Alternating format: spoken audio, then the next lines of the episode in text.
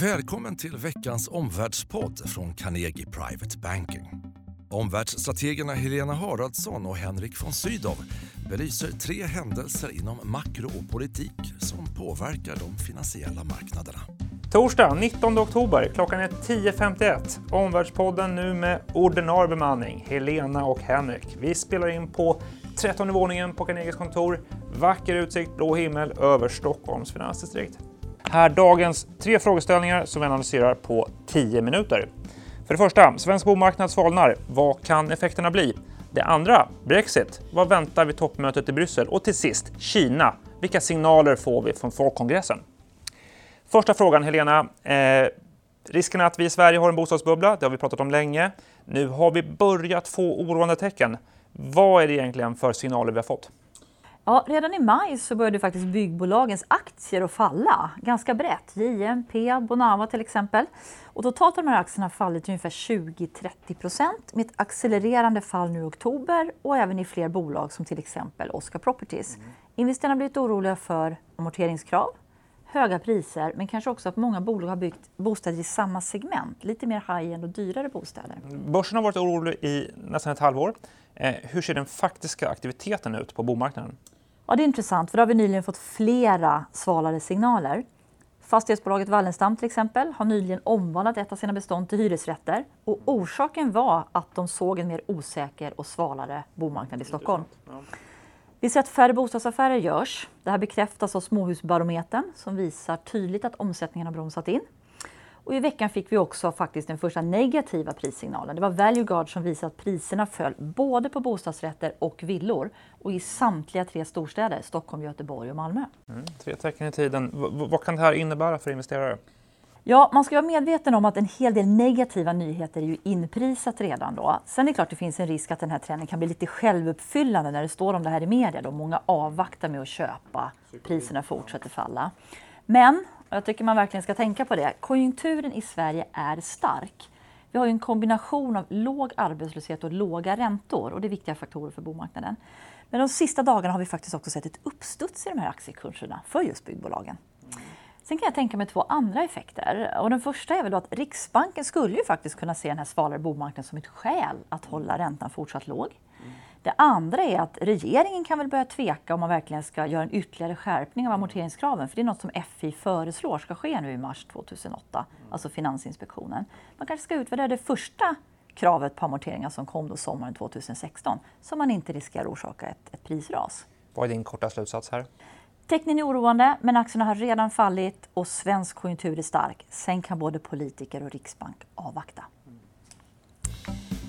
Ja, den andra frågan, Henrik, Brexit. Eh, det är ju toppmöte idag och imorgon när EUs både stats och regeringschefer träffas i Bryssel. Det är ett viktigt tillfälle i brexitprocessen. Förklara varför. Ursprungligen var det här toppmötet planerat för det tillfälle då EU och Storbritannien faktiskt skulle ha gjort tillräckliga framsteg vad gäller skilsmässoavtalet. Alltså kommit överens om brexitnotan, kommit överens om EU-medborgares rättigheter och kommit överens om den irländska gränsen då, som har varit en knäckfråga. Mm. Och nu börja starta förhandlingar om den framtida ekonomiska relationen, i klartext då handelsavtalet. Så där kommer det sannolikt inte bli nu. Tvärtom kommer nog toppmötet stå fast det motsatta att man inte har gjort tillräckliga framsteg i de förhandlingarna. Eh, möjligen kommer kanske toppmötet uttala att EU nu ska börja, EU27 då, ska börja förbereda sin uppfattning, sin position om vilket handelsavtal man faktiskt ska ha framåt. Det gör att det är faktiskt nästa toppmöte, den 14 till 15 december, som verkligen blir eh, sanningens sekund för brexitprocessen. Eh, ska det finnas någon chans att förhandlingarna om handelsavtal är klara före mars 19, 2019, när britterna ska vara ute, då måste eh, de, frihandel, de handelsavtalen starta senast i december. Mm. Men företagen då, hur agerar de på information kring brexitprocessen? Tveklöst, trycket från näringslivet tilltar. Näringslivet önskar klarhet. Det, det här trycket känner Theresa May av, eh, det tror jag är väldigt tydligt. Alltså, vad gäller efter 2019? Vad ser man framför sig här? Eh, det är flera stora multinationella företag som nu pekar på att en ökad klarhet måste finnas på plats någonstans kring årsskiftet, möjligen någon månad in på det nya året. Annars kommer man att aktivera handlingsplaner för att undvika ett kaotiskt Brexit eller ett no deal scenario som faktiskt allt fler och fler pratar om i London. Eh, Eh, också då tunga politiker, titta på den brittiska finansministern, har varit ute och pekat på riskerna här, justera förväntningarna på att företag måste förbereda sig på ett sämsta möjliga utfall, worst case scenario. Och också då som man säger en process där aktörerna, EU och eh, Storbritannien, inte agerar utifrån sina rationella ekonomiska intressen. Och den brittiska ekonomin då, hur har den reagerat på brexitförhandlingen? Ja, en, en tydlig indikation i veckan, alltså vi har sett hur brexit har sänkt pundet. Det har uppenbart eh, drivit upp infla, inflationen. Inflationen tar fart. Eh, I september var prisökningarna 3% Det är den högsta nivån på, på över fem år. Eh, som en konsekvens av att pundet försvagat, vilket gör import dyrare. Så ja, man kan ju peka, det lyfts fram att boendekostnader stiger på grund av dyrare el, gas och vatten. Samtidigt och det här slår ju mot britterna, så medför ökad inflation att löneökningarna urholkas, vilket medför att reallönerna försvagas. Den genomsnittliga löntagaren kan alltså köpa allt mindre för sin lön. Och det där är, ja, det är illavarslande för britterna. Det kommer, om den utvecklingen fortsätter så kommer det säkert påverka det politiska läget i, i Storbritannien.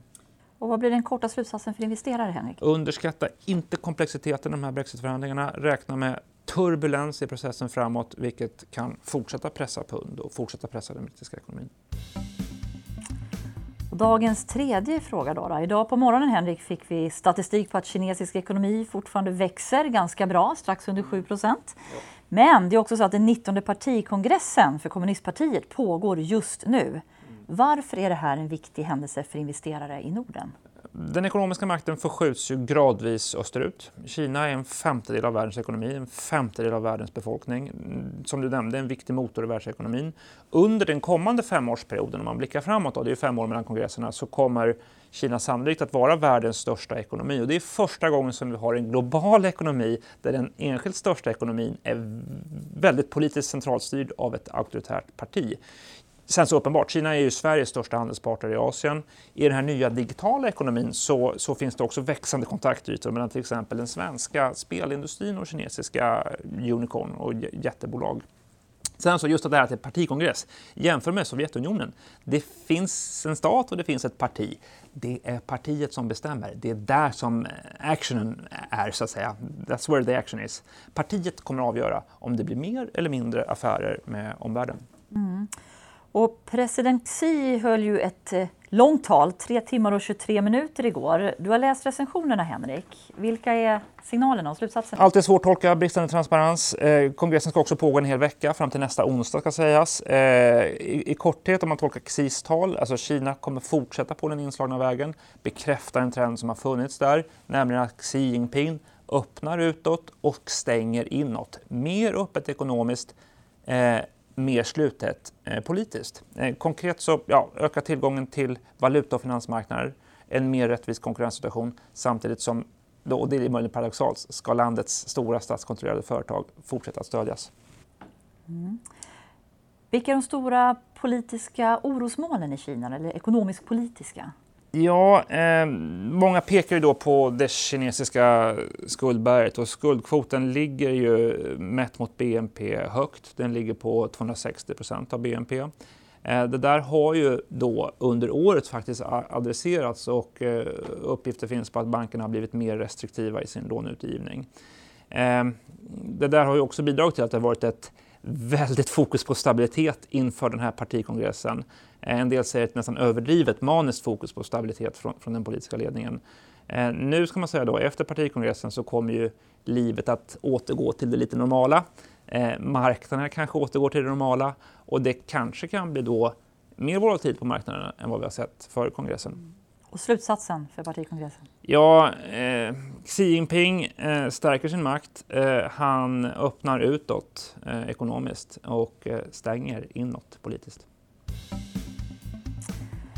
Dagens tre slutsatser som vi tar med oss är nummer ett, en rad svaga signaler från bostadsmarknaden. Det är något vi bevakar, men svensk ekonomi är stark. Nummer två, Brexit. Räkna med turbulens i förhandlingsprocessen. Eh, e EU-toppmötet den 14 och 15 december blir sanningens sekund. Och för det tredje, Kina. Partikongressen ser ut att bekräfta utvecklingen med något större öppenhet ekonomiskt men samtidigt mer slutet politiskt. Här på Carnegie har vi också återigen då påbörjat urvalet med Framtidens entreprenör 2017. Det är faktiskt fjärde året i rad som Carnegie och Svenska Dagbladet arrangerar denna tävling där kapital och entreprenörsbolag med tillväxtambitioner möts. Nu är det dags att hitta nästa affärssuccé. Du kanske vill investera i framtidens entreprenörer. Finalisterna kommer presenteras nu på måndag. Håll utkik efter det här, antingen i Svenska Dagbladet eller på carnegie.se. På återhörande nästa torsdag.